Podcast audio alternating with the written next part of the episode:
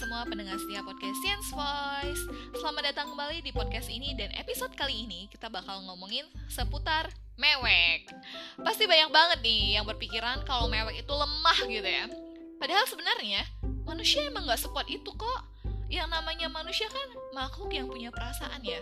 Jadi wajar aja kalau kita tuh punya emosi dan sebenarnya mewek atau menangis itu adalah sebuah cara untuk meluapkan emosi gitu. Simpel banget kan sebenarnya. Cuman karena mewek ini sering dibilang lemah atau bahkan dianggap memalukan. Jadi banyak orang-orang yang sok-sok gengsi gitu deh. Terutama buat para cowok nih ini ya. Padahal sebenarnya uh, hati setiap orang itu rapuh. Pengen banget buat meluapkan emosi gitu kan. Apalagi cowok-cowok nih biasanya sering banget nih kayak anak-anak aduh ngapain sih gitu kan. Nah, karena emosi yang sering ditahan-tahan ini juga ujungnya tuh bisa bikin seseorang tuh makin kesel atau lama lama kelamaan itu jadi kayak bodoh amat. Jadi jangan heran kalau ngelihat kayak banyak cowok-cowok yang cuek ya kan? Yang emang awalnya cowok itu emang lebih jalan logikanya terus ditambah lagi dia suka nahan-nahan mendem-mendem emosi sendiri gitu kan. Jadi kayak sosok cool gitu deh jadinya. Nah tapi sebenarnya tuh sama tetap sama aja sih. Mau dia tahan kayak gimana pun mau dia jadi kesel atau mau dia jadi sok cool gitu ya sebenarnya dia ada satu sisi atau mungkin sisi lain dari seseorang baik dia cewek ataupun cowok yang ada kalanya dia butuh untuk menangis untuk meluapkan emosi itu gitu loh. Nah hal kayak gini kalau ditahan-tahan sebenarnya nggak baik juga karena bisa mempengaruhi psikis seseorang nih. Mungkin buat teman-teman yang sedang dalam posisi ingin menangis ada kalanya ya harus diluapkan gitu. Nah mungkin kalau malu atau mungkin ngerasa nggak enak gitu ya di tempat umum kan emang nggak enak ya kalau menangis di tempat umum dikira kenapa-napa gitu ya. Kita mungkin bisa mencari uh, ruang kita sendiri dulu gitu loh di mana ada sebuah ruang tempat kita sendiri mungkin bisa di uh, kamar kita atau mungkin di kamar kamar mandi gitu ya.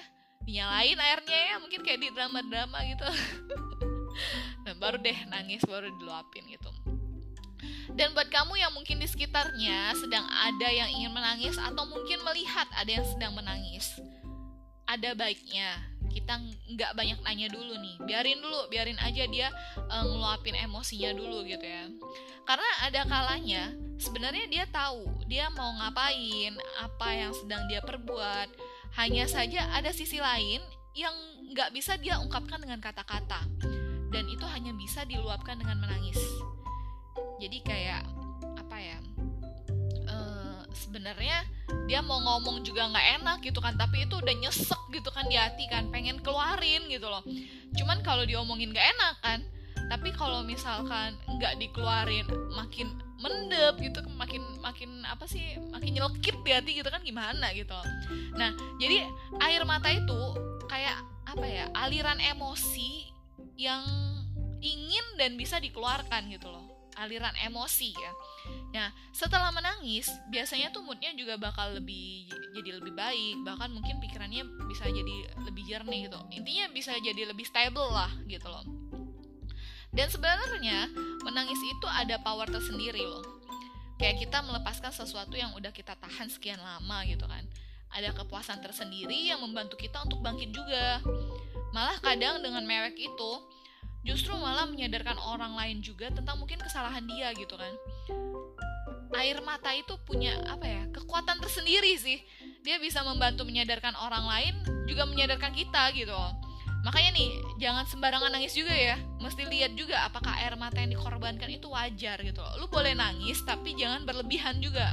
Jangan dikit-dikit nangis juga. Itu nggak wajar itu udah kan? Nah mungkin kalau misalkan nggak uh, percaya nih ya. Mungkin boleh nih buat teman-teman yang sedang menyimpan emosi yang nggak bisa diungkapkan dengan kata-kata dan masih gengsi buat mewek. Coba deh mulai cari ruang sendiri dicoba untuk meluapkan emosi itu dengan menangis kalau emang pengen nangis gitu ya. Daripada empet gitu ya disimpan di dalam hati nyelekit gitu kan nggak bisa napas nanti susah nah ujung-ujungnya kalau kita kayak apa ya kita ngerasa psikis kita juga kayak udah mulai terganggu nih kita ke psikiater. Di psikiater itu kan ujungnya kita curhat gitu kan sama sama ahlinya lah sama ahlinya. Ujung-ujungnya aku yakin sih pasti ada juga emosi yang keluar ada juga tangisan di sana gitu loh. Nah daripada kita mesti ke psikiater mahal-mahal gitu kan nah coba kita mencoba untuk menyembuhkan diri kita sendiri dengan cara ini gitu tapi ingat ya jangan sembarangan nangis soalnya air mata setiap orang itu beneran berharga gitu beneran berharga beneran bermakna Well, mungkin itu dulu untuk hari ini. Semoga bisa membantu teman-teman semua meluapkan emosi yang tidak bisa diungkapkan dengan kata-kata. Jangan takut untuk melampiaskan emosi selama tidak menyakiti orang lain dan diri sendiri. Dan pastinya harus harus dalam tahap wajar ya. Sekian dulu, stay tune terus di podcast Yang Voice dan nantikan episode selanjutnya setiap hari Sabtu di malam minggu jam 8 malam hanya di Spotify. Bye bye.